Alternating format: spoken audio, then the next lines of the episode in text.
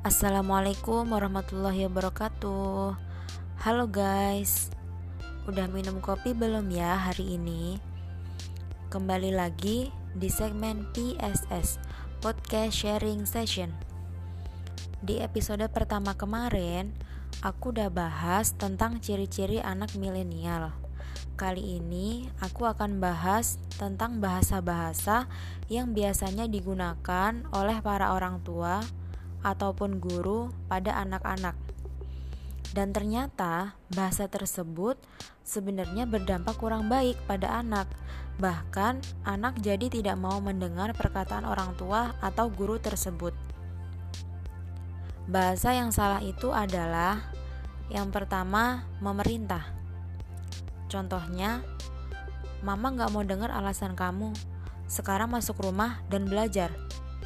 Di sini, anak pasti akan ngedumel atau bahkan mengabaikan perkataan orang tua.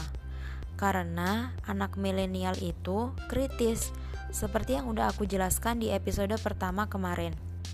Maka, jika hanya perintah tanpa adanya alasan, si anak ini pasti akan mengabaikannya. Jadi, ketika memerintah, sertakan alasan yang jelas ya. Kedua, menyalahkan anak milenial gak suka disalah-salahin. Contohnya, ketika ada anak jatuh dari sepeda, orang tua bilang, "Tuh kan jatuh, dibilangin dari tadi." Itu akan membuat si anak sebel dan malah nanti gak mau dengerin kata orang tua. Bahkan, dampaknya bisa membuat anak jauh dari orang tua, karena nantinya kalau dia ada masalah, dia nggak akan mau cerita ke orang tua. Karena dia mikir ah nanti mama pasti nyalain aku nih. Yang ketiga meremehkan. Contohnya ketika si anak mau pakai baju dan dia nggak bisa si mama bilang masa pakai baju sendiri aja nggak bisa sih? Bisanya apa kamu? Ingat guys, anak milenial itu gak suka diremehin. Yang keempat, memberi cap atau labeling. Contohnya adalah ketika si mama nyuruh anak beli cabai di warung dan dia nggak mau.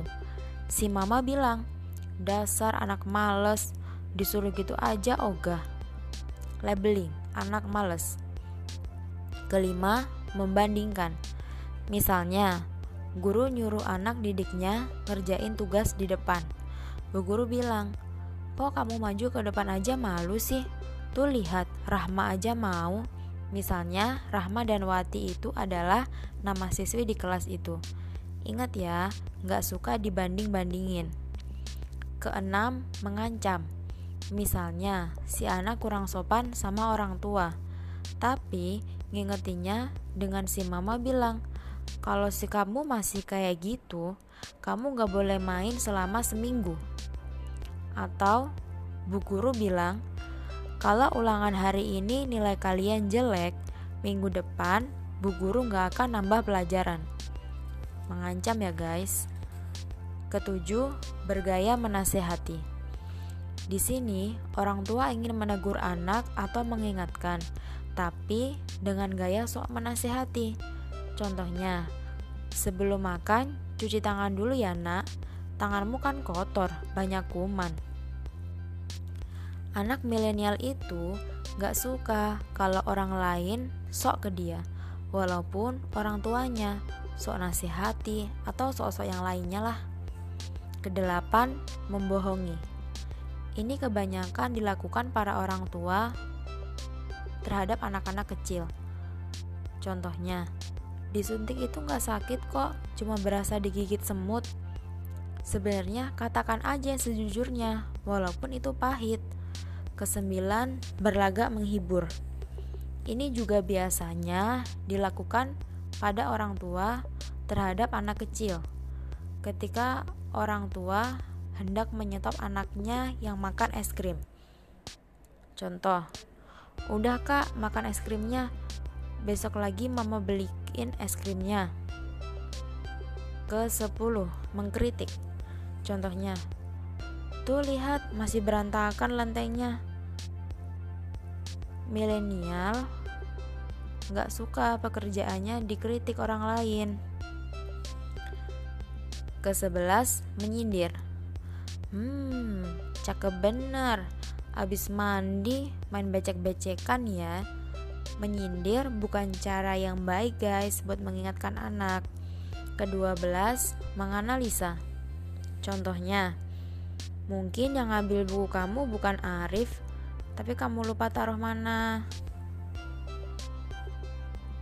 Jadi, sebagai orang tua atau pendidik, layaknya kita tahu dulu bagaimana karakter anak yang kita didik.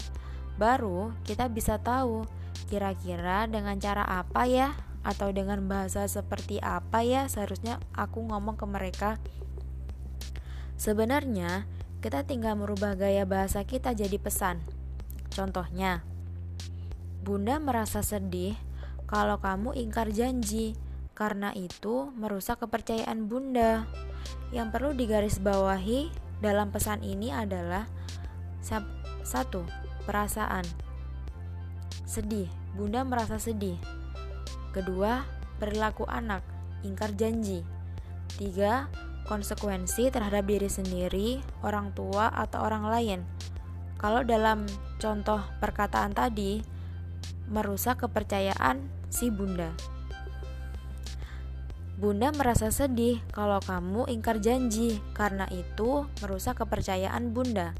Ada tiga pola ya guys yang harus kita terapkan ketika kita mau berbicara pada anak.